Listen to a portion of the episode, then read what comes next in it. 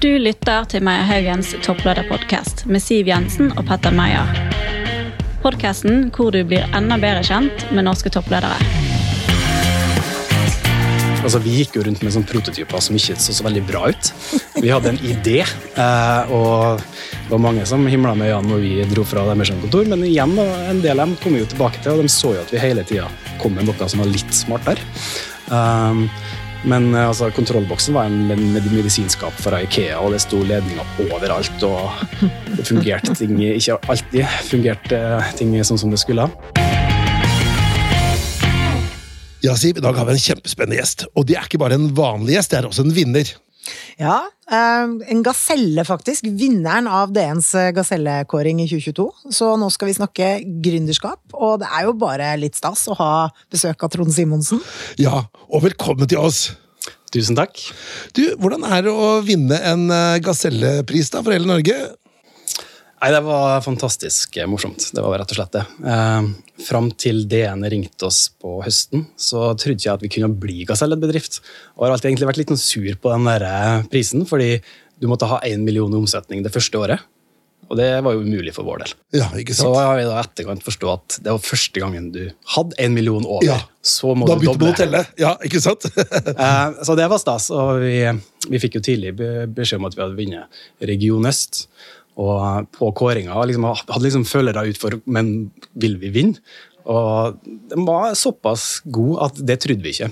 Eh, så det var fantastisk morsomt når vi først fikk eh, diplomet. Og det var litt morsomt, derfor i all beskjedenhet, Meyer Haugen, eh, rekrutteringsselskapet som, som jeg jobber i, da, vi var eh, gaselle. Vi, altså, vi vant ikke konkurransen, men vi var en gaselle for 22. Og vi var på kåringen på BI nå rett etter jul. Og da ble dere rupt fram, og dere så ganske overraska ut. Ja, som sagt, vi var, vi var overraska. I etterkant så vi burde vi ha plukka opp litt bedre, fordi vi var de eneste nominerte som satt på første rad.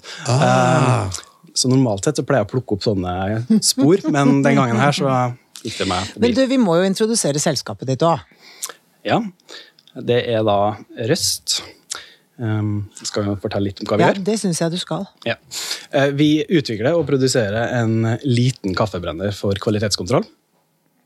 Jeg kan jo fortelle litt om hva det betyr. Um, Det er jo ingen i Norge som er opptatt av kaffe. Nei. Uh, Norge er faktisk eh, det landet med nest høyest konsum av kaffe i verden. Ja. Finland som er på, på topp. Så kaffe er, det er rotfesta i den norske kulturen, helt klart. Um, prøvebrenning av kaffe det er ikke så mange som kjenner til, og det er det vi lager et produkt for. Så veldig kort fortalt så vil en produsent av kaffe vil jo gjøre sin innhøsting og prosessering av kaffen, og når den er klar til eksport, så vil den sende kanskje 100 eller 200 gram til sine potensielle kjøpere. Og så må de da brenne den kaffen, for da er den sendt grønn, som det heter. Eh, Da brenner de dem på en spesiell maskin, som er liten. Eh, Og så tar de og evaluerer den gjennom en seanse som heter cupping, altså smake på kaffe, som har visse standardiserte prosedyrer i etterkant av det. Eh, Så det finnes 22 millioner forskjellige kaffevarmer. Hver produsent vil jo sende til flere importører, og når importøren har gjort og bestemt seg, så vil de også sende prøver til sine kjøpere. Så hvor mange hundre millioner prøver som prøvebrennes per år, det vet ikke vi, men det er veldig mange. Så det er Men, men sa du, Hvor mange millioner kaffe, type kaffebønner sa du det var? ja, altså, produsenter, det er 22 Ja. millioner. Ja. Det finnes jo veldig mange forskjellige ulike kaffetyper også, Ja, ja. men eh, det finnes vel, altså det er 22 millioner ulike kaffeprodusenter. Mange av dem er jo veldig små. Sånn som i Kenya så er det jo gjerne hagen til en person. Ja. Eh, og så er liksom alle de familiene er liksom knytta sammen i et eh, kollaborativ, og så gjennom det så eksporterer de sin kaffe. Men jeg prøver å sammenligne med, med vin, for der er det jo det er mange tusen forskjellige druetyper, og så er det selvfølgelig med produsenter. Men hvor mange typer kaffebønner finnes det? Nei, det var jo to hovedtyper, og det er jo arabica og robusta. Ja. Men innenfor de to slektstrærne så finnes det også veldig mange andre Ja. eh, typer. Eh, så det, ja, det finnes ganske mange. Jeg har ikke helt oversikt over, over hvor, hvor mange. Eh, men det som er også da spesielt, akkurat sånn som med vin, det er jo at hver innhøsting vil jo da ha sine spesielle kvaliteter. Så en kaffe som scora høyt i fjor, vil ikke natur naturligvis være god det neste året. Eh, Det Er kommer det jo med sånn klima. jordsmonn og- ja, ja, mm, ja. Jordsmonn har mye å si, men også klima og hvordan har det vært fuktighet Nei, Men tørke. hvorfor i alle dager fant dere ut at det var eh, business i dette? Ja, eh, det var jeg og broren min som starta dette her for eh, nå snart ti år siden.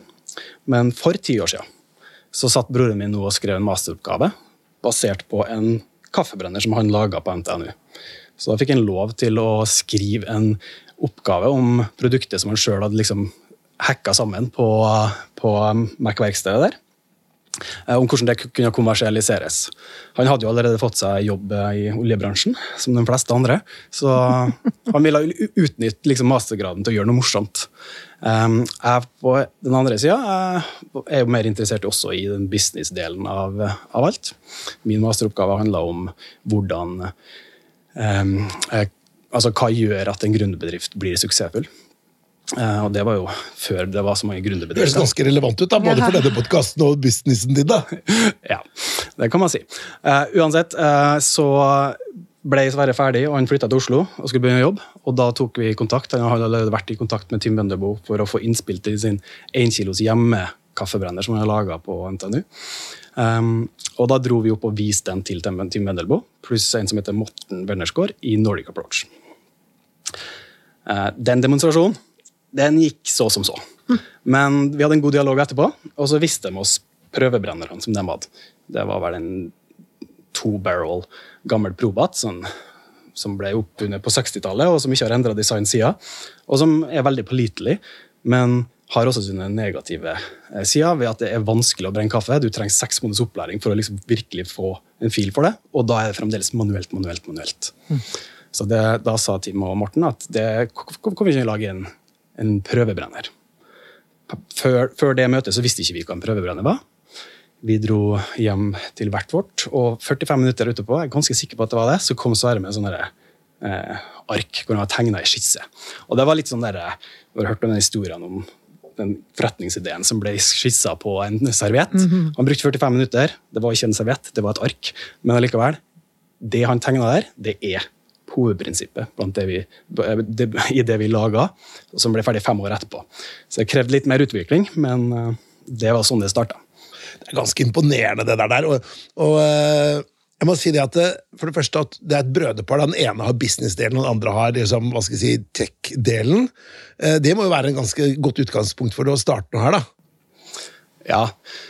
Eh, Man kan si det sånn at eh, uten Sverre så har vi ikke hatt et produkt, men uten meg så har vi ikke hatt et selskap. Så det har på en måte vært eh, veldig viktig. Um, Du, det var ganske godt uh, sagt. Det var ganske godt sagt. Men du skrev jo da altså en masteroppgave om det å lykkes som gründer, og det er også tema for denne podkasten her. Eh, si litt om hva kjennetegner en god gründerbedrift? altså Tilbake på den tida så var det jo ikke akkurat gründer Det var, det var ikke så mange gründerbedrifter, så det var mer sånn bedrifter som uh, ikke var så gamle. Og som, ja, jeg tror jeg hadde ni i porteføljen som jeg fulgte opp. Og jeg måtte da fokusere på økonomisk styring, for det var det jeg gikk eh, masterprofil innafor. Um, og alle de bedriftene som jeg da så på, de hadde jo lykkes, forutenom én. Og de som hadde lykkes, de hadde god kontroll på økonomien fra dag én. Eh, og det er på en måte en av de tingene som vi har også hatt veldig stor fokus på. Det er likviditeten. Hvor, hvor mye penger har vi på bankkontoen? Eh, så er det mange andre ting som gjør at du, du lykkes, eh, men fra, fra den masteroppgaven da, så var det liksom det økonomiske som var perspektivet, og hvor viktig det er å ha kontroll på, på finansene. Og det ser man jo også. Det er veldig mange som går konkurs, ikke pga. en dårlig idé eller et dårlig team. Det er rett og slett bare går tom for penger, de klarer ikke. Og når du kommer inn i den onde spiralen, så er det veldig vanskelig å komme seg ut av det. Men nå har du, du sagt eh, par ganger allerede at da dere startet opp, så var det ikke så mange gründerbedrifter. Og det er jo helt sant, for at Norge er jo ikke egentlig, eller har ikke vært, da, sånn eh, gründerland. Vi har vært et land hvor det er traust og vært trygt å bli ansatt i et stort selskap og få lønna betalt. Og så har det skjedd et eller annet som, eh, som har gjort at det har eksplodert med, med ja, folk som tør å satse egne penger og ta opp lån og herje på. Kan du liksom har du noen idé om hva det er som har gjort det?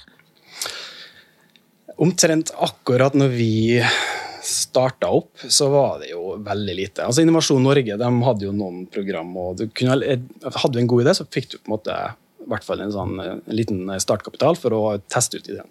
ideen din. Men forutenom det så var det jo nesten ingenting infrastruktur rundt det å starte opp et eget selskap. Um, altså Bankene ville hjelpe deg med en bankkonto, uh, og det var jo noen sånn, eh, gjerne offentlig, uh, som, uh, som bedriver sånne regionskontor og diverse. Så hadde du liksom Innovasjon Norge som, som sto for funding, men på den tida så var det jo primært ikke ny oppstartsbedrifter de drev på med. nå vet jeg ikke helt hvordan statistikken har endra seg der, men det må jo ha et mye bedre fokus på, på, på oppstart. så det var mangel på akseleratorer. Det var ikke så mye sånne ting her, men vi startet som en sånn garasjegreie, så det var ikke så viktig for vår del. Vi, eh, vi fikk uh, våre første 300 000 fra Innovasjon Norge og brukte dem på eBay og hos en mekanisk ingeniør i Sunndalsøra.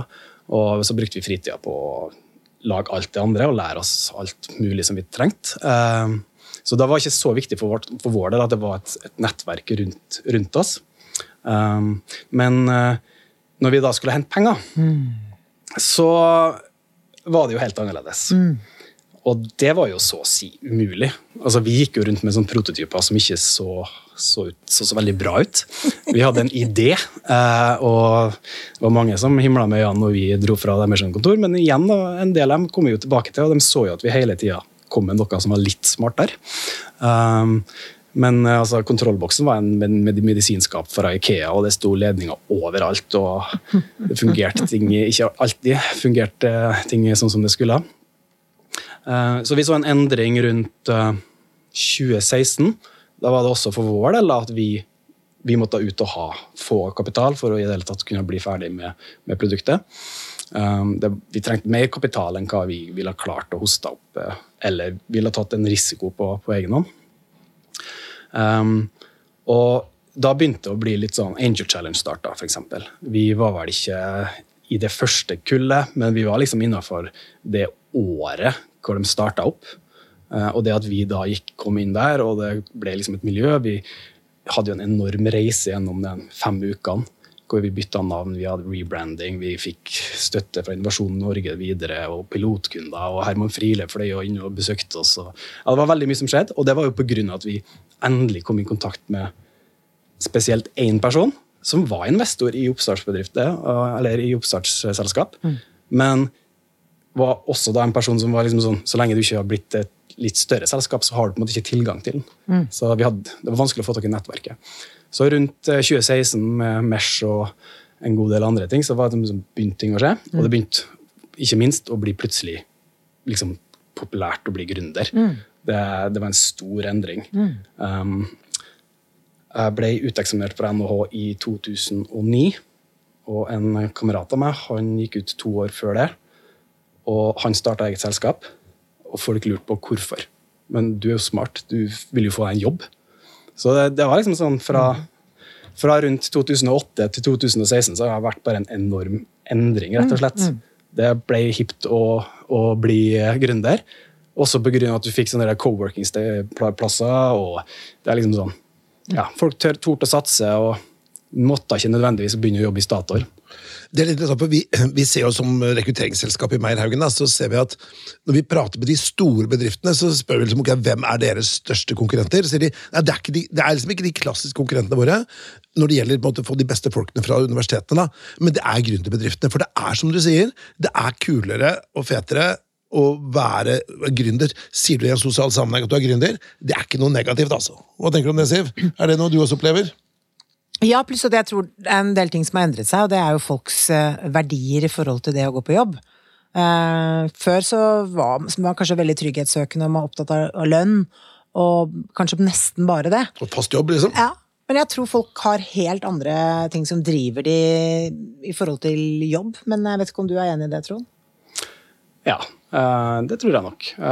Så, ja, men det er liksom mediebildet. altså Du har eh, mye mer fokus på det å være gründer. så det er liksom, og Også de store universitetene. Jeg gikk jo da, jeg, det skal jo sies, jeg gikk uh, gründerskolen når jeg gikk på skole. Ja. og Det var vel, det hadde vel gått et par år når jeg fikk innpass. Uh, og det også hjalp, fordi på NHH så har alle gjør det samme. Alle har, frihet, har et verv, alle har en slags delvis relevant eh, deltidsjobb. Eh, alle jobber hardt på skolen. Og så når de da skal liksom skal, for gründerskolen så blir liksom alle blir liksom veldig like. Og, og, når du snakker med dem, så er det nesten egentlig ingen som har lyst til å bli gründer. Eller tilbake i 2009, da. Men jeg la jo merke til at det var en endring da, når de har vært gjennom det programmet, og det gjelder jo også da for alle de andre skolene, hvor du på en måte ok, etter å ha liksom blitt utplassert i utlandet og må jobbe med en oppstartsbedrift, og du er sammen med andre som kanskje har lyst til å bli gründere, så blir det liksom en sånn endring i mentaliteten. Men liksom, du kommer jo fra, så vidt jeg vet, en ganske trygg jobb i bank, eh, banknæringen. Hva var det som drev deg til å hoppe av den karusellen, da, og, og, og, med all den risikoen det innebærer å være gründer? Ja, eh, nå er jo jeg ganske risikoavers, så jeg skal aldri si at jeg har tatt de største risikoene, for det har jeg ikke gjort. Eh, jeg og Sverre vi drev utviklinga av, av, selskapet primært på fritida, mm. med støtte fra Innovasjon Norge. Det var sånn vi klarte å komme til et produkt som faktisk folk hadde lyst til å kjøpe og investere penger i. Da var vi ikke i nærheten av ferdig. Mm. Um, og he i hele den perioden så jobba jeg i DNB og på dagen, og så gjorde jeg dette på kvelden og i helgen. Uh, og så ble jeg pappa i 2017, på sommeren, og da måtte jeg bestemme meg for hva jeg skulle gjøre, for da hadde jeg ikke tid til en hobby lenger. Mm. Så da tok jeg og fikk permisjon fra DNB ett år. Jeg hører at du er litt gründer, nei, litt, litt eh, risikoavers. Ja. så, jeg så jeg fikk permisjon. Da hadde allerede Sverre begynt å jobbe fulltid. og det var egentlig det som var viktigst, det var at han gjorde det, for han jobba med det tekniske. Og da eh, ble jeg liksom, da ble jeg pappa, og så jobba jeg eh, fulltid i Røst. Og når jeg skulle tilbake til DNB, så hadde vi allerede begynt å solgt produktet. Mm -hmm. Så da hadde vi egentlig en positiv cashflow. Så da hadde vi også relativt lav risiko å, å slippe alt. da. Um, så det, det risiko er for at du har god planlegging, da. Og det er jo det, for du gikk ikke inn i dette her med liksom lukka øyne. Du, du hadde en plan. Ja, eh, altså Helt klart. Eh, og vi har jo da hatt fokus på den der økonomiske eh, delen av det hele tida. Og så har vi alltid hatt trua på produktet. At det kom til å Så lenge vi liksom klarte å komme til markedet, så, så skulle det, den delen gå bra. Ja. Tenkte du skulle gå på et med topplederskap. Ja, for, altså, Toppledere kan være så mangt. Altså, du kan være toppleder hvis du er sjef i Nav eller DNB eller Equinor, men du er også toppleder hvis du er på en måte sjef i din egen eh, oppstartsbedrift, som etter hvert har begynt å bli litt størrelse på. da. Men hva vil du si er eh, eller Hva tenker du med toppledelse? Er det noe du identifiserer deg med i det hele tatt? Eh, når jeg måtte endre stillingstittelen min på LinkedIn, så i første perioden så var jeg, altså Da hadde jeg jobba i DNB, så da var det jo eh, Rune Bjerke som skulle ha LinkedIn Parma med, og diverse. Og det, det følte jeg meg jo ikke helt altså det var, Jeg var daglig leder av et selskap med to personer. Um, nå er vi blitt eh, tolv, um, og vi skal vokse betraktelig mer enn det. Men uh, toppleder det blir litt sånn fremmed, eh, fremmedord eh, fremdeles, da. Ja. Jeg jo, føler meg jo mer som en eh, potet. Ja. En problemløser og En toppleder som både vanner blomster og bestiller ting på Oda og er vaktmester og, og finansøkonomi og alt mulig? Ja. Det er mye. Det er mye praktisk, ja. helt klart. Og så prøve å holde kontroll på skuta på toppen. Ja. Men hvordan, når dere skal rekruttere folk, hvordan rekrutterer du? Hva slags type folk er du i Setro? Hvordan er, altså du som leder, når du skal ha folk rundt deg, hvordan gjør du det? Vi har jo et veldig stort spekter av ansatte. Altså Vi har dem som jobber med produksjon og den type ting. Og de sitter i samme lokale som dem som jobber med eh, firmware og produktutvikling og salg og markedsføring. Eh, så vi, vi, er jo veldig få av dem på en måte i hvert avdeling, da, om man skal si det. Selv om vi, ikke, vi har jo ikke så klare skiller, eh, sånn egentlig. Men eh, og per dags dato så er vi vel 13 personer. Eh, og så har vi jo hatt flere innom midlertidig og diverse. Så det har jo blitt en del ansettelser opp gjennom de siste tre årene. Det vi prøver å fokusere på, det er engasjement og vilje til å lære og være fleksibel. Det, er kanskje det vi føler er det viktigste. Og så må man ikke være interessert i kaffe for å jobbe hos oss, men vi må ha folk som kan kaffe òg. Mm. Eh, for de, vi må ha folk som er bedre enn meg å være på kaffe, og det har vi. Og det er viktig. Eh, og det skal vi fokusere enda mer på. Men ikke bare ved rekruttering, men rett og slett å ha liksom sånn internopplæring i kaffe. Vi skal rett og slett bli gode, bedre på kaffe. Men når dere rekrutterer, eh, klarer dere, altså hva er det dere konkurrerer på? For når dere skal hente disse flinke folka, er det, hva er det som gjør at de kommer til deg? Um, ja, uh, altså nå har vi jo tenkt å bruke den gaselleprisen da, for å bevise at vi faktisk er uh, et selskap i vekst som gjør morsomme ting. Og det gjør det jo, og det er kanskje den største verdien for, uh, for vår del når det kommer til den gaselleprisen. mange av de ansatte vi har i dag, de ble jo ansatt før vi på en måte var noe særlig. Altså, vi hadde ikke solgt så mange enheter. Og da var det jo helt andre eh, vilkår for at vi klarte å nå ut til dem. Mm. Men uh, vi klarte nå å nå ut til dem på et eller annet vis, og vi har gjort veldig mange bra, bra ansettelser. Vi er et veldig bra team. Um, Framover så blir det nok uh, um, mye fokus på, på ja, å, å få ansatt de rollene som du ikke trenger 100% i dag. Og der er vel kanskje den risikoaverskere også. da. Altså, det er mange selskap kunne vært mange daglige ledere i vårt selskap som kanskje kunne gjort at vi har vært et større selskap i dag, ved at man på en måte tar større risiko. Og der har vi kanskje, der har vi et stort forbedringspotensial. Mm -hmm. det, liksom, det, sitter langt inn å ansette noen som skal jobbe med økonomi, når du vet at det tar én dag i uka. Um, og da, da, er vi ikke helt klart for det. Men liksom, og da må vi begynne å pare det sammen med litt sånn andre funksjoner, og, sånn, og da får du til slutt en stilling. Uh, men uh, ja, det, er, det, har vært uh, Sånne funksjoner syns jeg er litt vanskelig. Og så er det andre ting som salg og markedsføring, og sånn, hvor du liksom sånn, har en spesifikk arbeidsoppgave og det er nok å gjøre. Da er det mye lettere å, å gå ut og, og prøve å finne noe. Hvis det gir noe mening. Hvis du skulle gitt noen tips om uh, rekruttering da, til andre gründerbedrifter som hører på her, én, to, tre tips, liksom, uh, hva, du, hva, du, ser etter, er det noe, noen, er det noe, er det noe lære der, eller er det noe, må man se dem når du har dem foran deg? Uh, ja Man kommer jo over veldig mange kandidater, og tror nok den, Det som har med engasjement, har, har for vår del vært eh, kanskje den eh, Hvis vi ser tilbake på det som har fungert og ikke, så er nok engasjement eh, og ønske å jobbe for et selskap som oss har kanskje vært det viktigste. Og så må man ha noen egenskaper som vi trenger også. Og så kommer den der magefølelsen. Den, den har en tendens til å stemme veldig bra. Ja. Jeg leste en analyse at eh, når, du, når gründerbedrifter får hockeystikken, da, ja. det er når du begynner å erstatte generalister med spesialister. Sånn som Du sier, du får inn den første CFO-en din, du får inn den som er lederen, du får inn markedsdirektøren, du får inn produksjonsdirektøren, som er bare det. Ikke at de skal ha mange andre roller, da, men det korrelerer også litt med økonomi og en del andre ting. da. Ja. Og det er der vi er på en måte, det er der vi har kommet. da. At ja. Nå skal vi begynne å se etter de ulike rollene i større grad. Um, og, og, det henger sammen med at uh, vi jeg har jo ikke nevnt det at vi, vi, produserer i dag en kaffebrenner til kvalitetskontroll. Men uh, det er vårt første produkt, og det er et nisjeprodukt. Uh, vi er per dags dato liksom den, en av de absolutt dyreste aktørene innenfor den, den nisja også. De som forstår dem vi klarer å overbevise om at vi faktisk er en, en veldig effektiv og tidsbesparende eh, maskin, at vi har det. De blir veldig fornøyd med oss. Men det er også veldig vanskelig for mange av våre kunder å forstå at de skal betale så mye mer når andre også gjør jobben.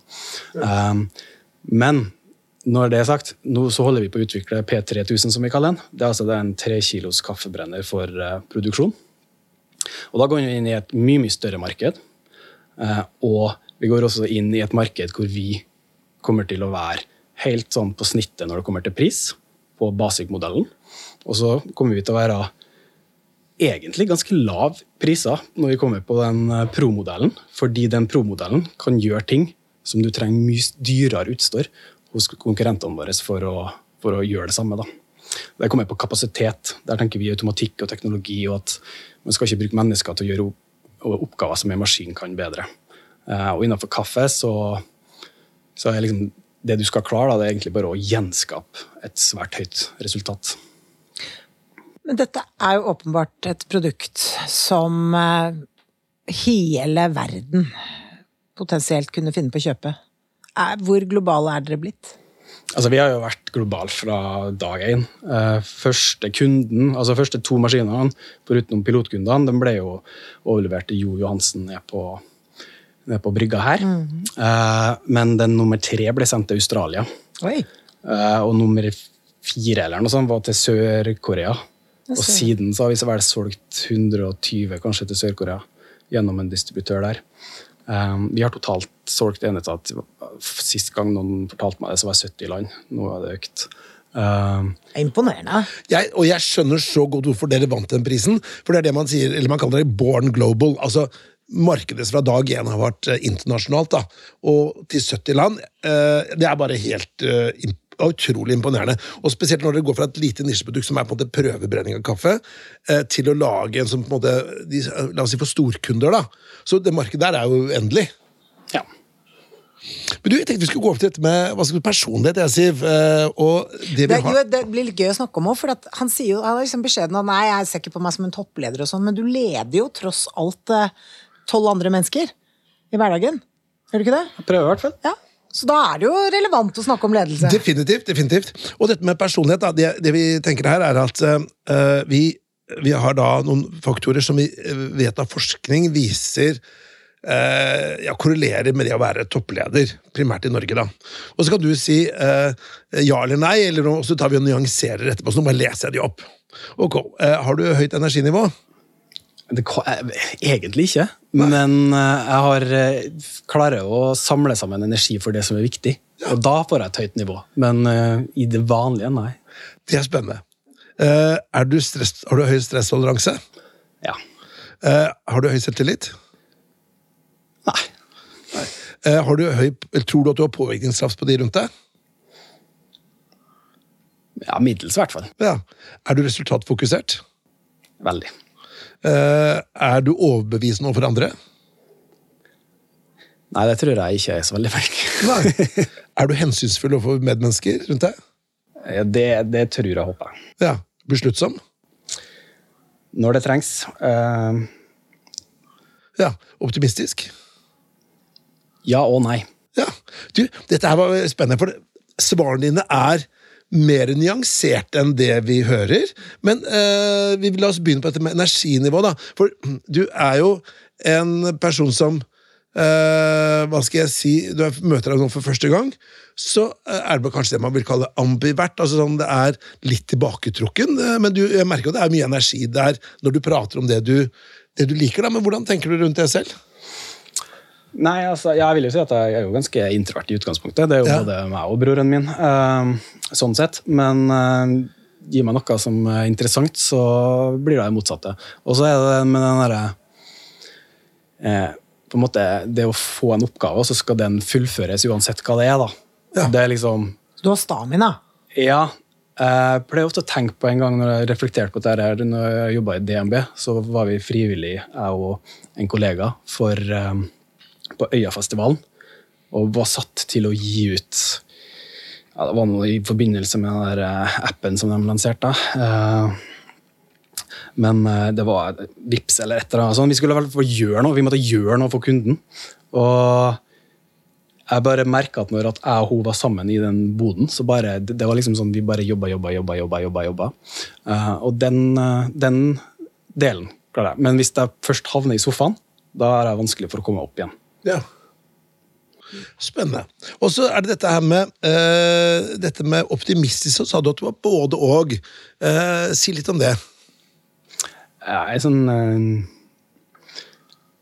optimistisk på livet, men pessimistisk på ganske mye sånn Jeg vil gjerne bli overbevist om at vi faktisk selger for så mange. Jeg vil gjerne liksom Men ja, så Der kommer den risikoaversjonen din ja, tilbake. ja. Det er liksom sånn tilbakeholdenhet. Eh, og den, eh, det er den vi må jobbe med, da, og det vet jeg jo.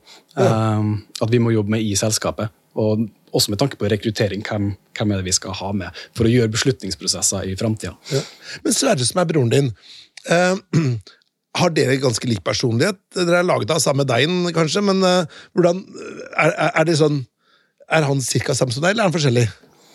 Vi er nok eh, ganske lik, men også ganske forskjellig. Ja. Uh, han er Altså, han kunne jeg, jeg, jeg føler at eh, jeg er riktig person til å være daglig leder av Røst Ja. i dag, og noen år til, i hvert fall. Ja. Og når jeg måtte tenke på dette her i fjor, uh, så var jeg liksom sånn Men mye av dette her, det kan jeg lære meg. Det, og det er bedre at jeg lærer meg, som kjenner hele selskapet, enn at vi skal få noen eksterne som må lære seg selskapet. Uh, og så skal vi så skal jeg evaluere eh, hvordan, hvordan det går. For Ofte så har man sånn, i et selskap har man sånn, noen som en er gass og en er brems. Ofte du ser hverandre om sånn berømte duoer da, i, i, uh, i næringslivet. Så er det litt sånn yin-yang, men her er det liksom to ganske like typer som er litt tilbakeholdne og sikre. Men så har det jo gått egentlig ganske greit, da. Ja, og så vil jeg jo si at Sverre han er jo evig optimist når det kommer til alt som har med det tekniske og, og, og slike ting. Mens jeg er mer pessimist og blir, blir bekymra for at vi nå har uh, 1000 maskiner med uh, kulelager som kanskje ikke er så godt som vi hadde sett for oss. Og jeg har mer sånn Det ordner seg. Ja. Uh, og sånn er, sånn er han. Eh, så der er vi nok eh, ganske forskjellige.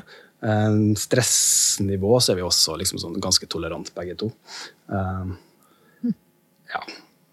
Men, men for det er litt interessant, for du ser gründere, da. Jeg, jo, jeg sier ikke at alle gründere er like, men det er noe med en sånn, hva skal jeg si, en litt høyere risikoappetitt, da. Når du går inn som gründer, spesielt hvis du har hatt en, en trygg og god jobb, som, som deg da, i, i DNB. Og så øh, vurderer man at ja, men skal man gå inn som gründer. Ja, ja, hvor gærent kan det gå? De er liksom ofte sånn gründermentalitet. da. Men, men øh, du vil liksom ha alt skulle være Du skulle være ganske sikker på for at dette vil lykkes før du tok det steget.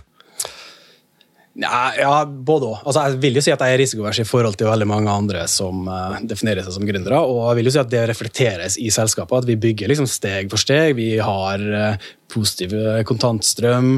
Vi har uh, liksom sånn Ja, det, går litt sånn traust. Oppi der så har jeg jo fått to, to barn også de siste årene, så det er liksom sånn Det holder oss jo litt tilbake med tanke på hvor mye tid du kan jobbe også. Men, eh, men eh, Alt må ikke være på stell, men man må, liksom, må være ganske sikker fra mitt ståsted at dette her kommer til å gå, gå bra. Og spesielt når det kommer til ansatte. For jeg vil ikke stå i den posisjonen hvor vi må liksom begynne å nedtrappe pga. at uh, ting fungerte ikke. Så da, når vi har liksom ansatt, så er det av at vi, okay, nå vet vi at vi kan dekke lønn selv om markedet går ned. Altså, vi har vært gjennom en pandemi. Vi har vært nå gjennom altså nå vet jeg jo ikke helt hva situasjonen er for vår del da, i kaffemarkedet. Vi har jo potensialet til å hente kunder i 70 land eh, og skifte fokuset mellom eh, ulike grupper. Men eh, ja Så den, den tingen liksom sånn at vi ønsker jo ikke da å, å, å måtte nedbemanne. Da heller vil vi heller ha midler, sånn at vi kan liksom bare endre hvordan vi jobber i en nedgangsperiode. Eh, Og heller komme sterkere ut på andre sida. Men hvor sårbare blir dere da av så typisk sånn eh, eller det, har jo vært mye, mye snakk om at eh, kaffeproduksjonen går ned fordi avlingene er dårlige pga. klima og andre ting.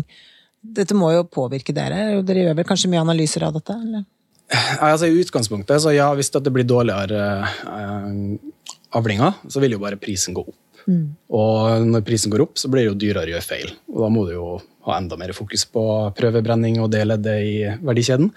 Eh, så akkurat vår lille nisje innenfor der, den føler jeg er relativt eh, safe, uansett om det går litt opp og ned. Så skal jo sies at vi har laga produkter for importører og eksportører, men de er jo ikke en større del av vår kundegruppe for det.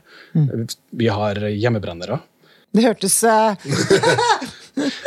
over hele verden. Eh, som, eh, ja, som er veldig interessert og er villig til å betale prisen.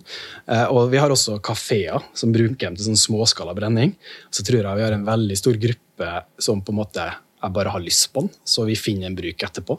Um, Så det, vi, liksom, vi har flere bein å stå på også på den lille, lille brenneren. da. Hva koster den lille brenneren din? da? Nå er det bare interessant å høre, eller er det kanskje hemmelig pris? Nei da, uh, vi starter på 4950 euro. Ja. Det er den basic-versjonen. Og så vil vel snittprisen den ligger vel på rundt 6008 eller 6009 euro. Ja. Ettersom folk vil ha litt flere sensorer og, og den type ting. Litt mer automatikk. ja. Men har, det betyr altså du har også privatkunder altså, men som har litt sånn kaffefetisj? Ja, jeg tror det er så mye som kanskje 10 Oi, kjære. Kunne du fått deg sånn, Siv, en sånn der egen, å brenne din egen kaffe hjemme? Ja, skal ikke se bort fra den. Bedre tid, så jeg syns jo altså jeg- Kaffe må være godt, ellers så kan man la være å drikke det. Jeg har en, eh, Min tidligere sjef i DNB han eh, har en brenner i stående i boden sin her på Frogner. Ja, ikke sant? Men Siv, er det noe du lurer på her, eh, når du har en sånn, en litt sånn atypisk gründer foran deg? Altså, det kunne jo vært, for Vi var innom det eh, i forhold til at da de startet opp, så var det vel kanskje egentlig bare Innovasjon Norge som, eh, som lå der som en del av virkemiddelapparatet. Men så har det jo skjedd veldig veldig mye mer fra det offentlige side gjennom en del år. Vil du si at eh, det offentlige har et forbedringspotensial? Eh, eller eh, har man på en måte linet opp et greit sett med virkemidler? Nei, Man har jo alltids forbedringspotensialet. Nå har jo vi vært i den stort sett den heldige posisjonen at vi har på en måte hatt eh, et produktutviklingsløp å vise til som er innovativt. Og da har vi klart å få støtte til det, eh, det vi har eh, bedt om.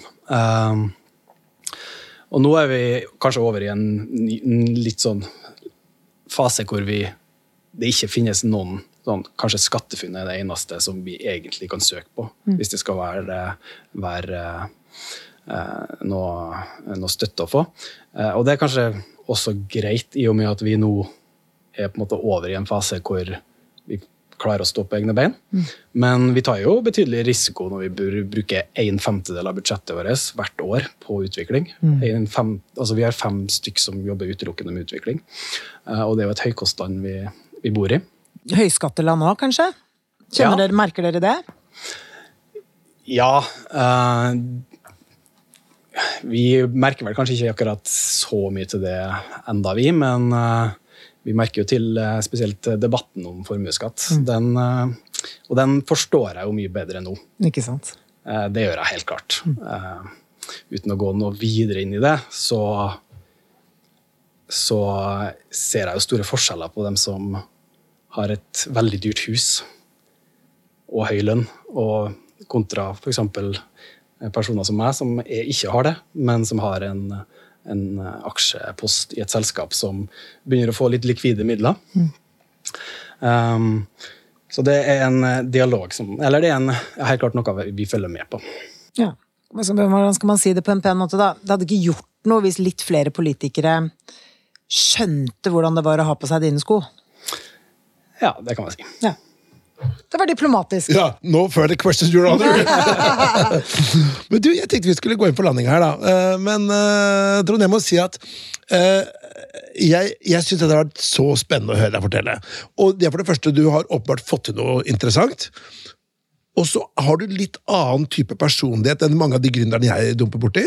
Og så tenker jeg, la oss si at du hadde hatt en, en tredje bror da, i miks der som var litt mer, sånn- enda mer optimistisk på business. hadde kanskje den der, Nei, nå kjører vi, nå belåner vi, nå er vi litt, det er bull market. altså Kjørt litt mer på, da. For du kunne ha kjørt, man kunne kjørt i grøfta, eller det kunne vært tigangeren i dag, da. Er det noe du har reflektert over?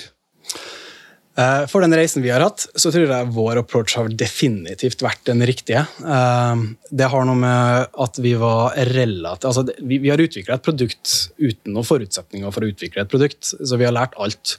Eh, Og det produktet har tatt tid for å modnes. Altså, det har vært mye serviceoperasjoner. Um, det skal sies at Vi gjorde et smart grep. Vi tenkte ok, vi, hvordan skal vi klare å få en kunde i Etiopia til å kjøpe vårt produkt, når det de har i dag, har de enten laga sjøl, eller så har de kjøpt noe som varer i 100 år. Ja. Gammelt manuelt utstyr. Ok, Det må være lett å reparere, så da har vi laga et produkt som er superenkelt å reparere.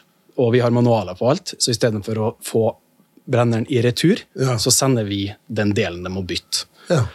Eh, Men det, jo, det tok jo noen år, da. eh, Hvor vi, hvis vi har gutsa på og bare liksom, nå skal vi bare få, Ja. få dem ut i markedet, da ville vi hatt eh, overveldende masse serviceoperasjoner. Ja, Fordi vi tok jo iterasjoner hver 50. batch i de første tre årene. Ja. Og det var jo kontinuerlige forbedringer. Og alle de forbedringene har vi på en måte også gjort sånn at hvis en kunde av de tidligere modellene får det problemet, så kan de få en del og fikse det. Ja, ikke sant. Um, Og etter vi vant Gaselleprisen, så fikk vi jo en, fikk vi en mail fra en professor på NHH som innenfor sustainability, hvor liksom, han fortalte at vi bør fokusere mer på at vi faktisk er en sustainable eh, selskap. Fordi vi tenker eh, altså Ja, vi er elektrisk. Vi fjerner en, eh, en gass i, i kaffebrenneren. Eh, men det er også den der måten vi tenker at produktet seg sjøl skal vare for evig. Men hvis det skal vare for evig, så må det også være muligheter for å oppgradere det. Ja. Og vi kan ikke ha det sendt tilbake til oss fra alle verdens kroker. Så da må vi lage opp, upgrade kits. Så i dag eller i går så gikk det 25 pakker fra vårt kontor, hvor de da får en ny sensor som vi utvikla sammen med en kunde i løpet av sommeren. Og nå kan alle kjøpe den, og så eh, får de en ny funksjonalitet i brenneren og øker kapasiteten med 200 gram. Yes. Eh, så vi tenker, tenker slik. Eh, og det scenarioet har ikke på en måte fungert hvis vi bare skulle ha pøsa på med lån og fått inn investorer. Fordi vi ville fremdeles brukt tid på å modne det produktet. Eh, P3000 er helt annerledes. Og da blir det mye viktigere å liksom trykke på og eh, sende ut ti enheter til influenserbrennere rundt omkring i verden for å få feedback raskt, få produksjonen opp, eh, få en forhandling, altså få distributører i, i, viktige områder. fordi at på et sånt produkt så bør du nok ha litt mer sånn lokalt service. Så det er jo det vi på en måte per dags dato prepper Røst for. Det er den neste fasen. Eh, så nå ligger vi liksom sånn 25-30 millioner i omsetning per år. God likviditet, overskudd. Det er sånn vi liker å drive. Da sover vi veldig godt om natta. Vi kan gjøre hva vi vil med tanke på utvikling. Eh, vi vet vi vil få investorer. Vi kan ringe DNB, og vi får sannsynligvis lån. Eh, og så sitter vi og venter på P3000 skal være klar, og da skal vi trykke på, trykke på gassen. For det, det må vi pga. konkurransesituasjonen. Spesielt når konkurrentene faktisk forstår hva vi egentlig lager. For alle tror vi lager en trekilos kapasitetsbrenner. Men det gjør ikke det. Lager du helt Det vi lager, det er en, et, en 500 kilos kapasitets per ukebrenner. Det er det vi på en måte sier. da. Ja. Sånn at du kan brenne, og Hvis du brenner 500 eh, kilo i uka, da er du et relativt stort brenneri. Ja. Um, men, men vi gjør det med mindre, et mindre produkt. Ja. Dette her var skikkelig gøy. Ja, Er det ikke enig i det jeg sier? Jo, jo, jo. Det er også, åh, fantastisk å høre på. Så det er jo egentlig bare å avrunde det hele med å ønske dere lykke til videre på denne spennende reisen. Tusen takk. Ja, jeg må si, Trond, Vi heier på dere sju dager i uka. Og det blir veldig spennende å følge dere videre. Og lykke til, og gratulerer nok en gang med pris. Du har lyttet til rekrutteringsselskapet Maja Haugens topplederpodkast. Vi produserer også Rekrutteringsrådet og Jobbsøker. Du finner oss der du lytter til podkast. Har du forslag til gjester, gå inn på vår Facebook-side Maja Haugen.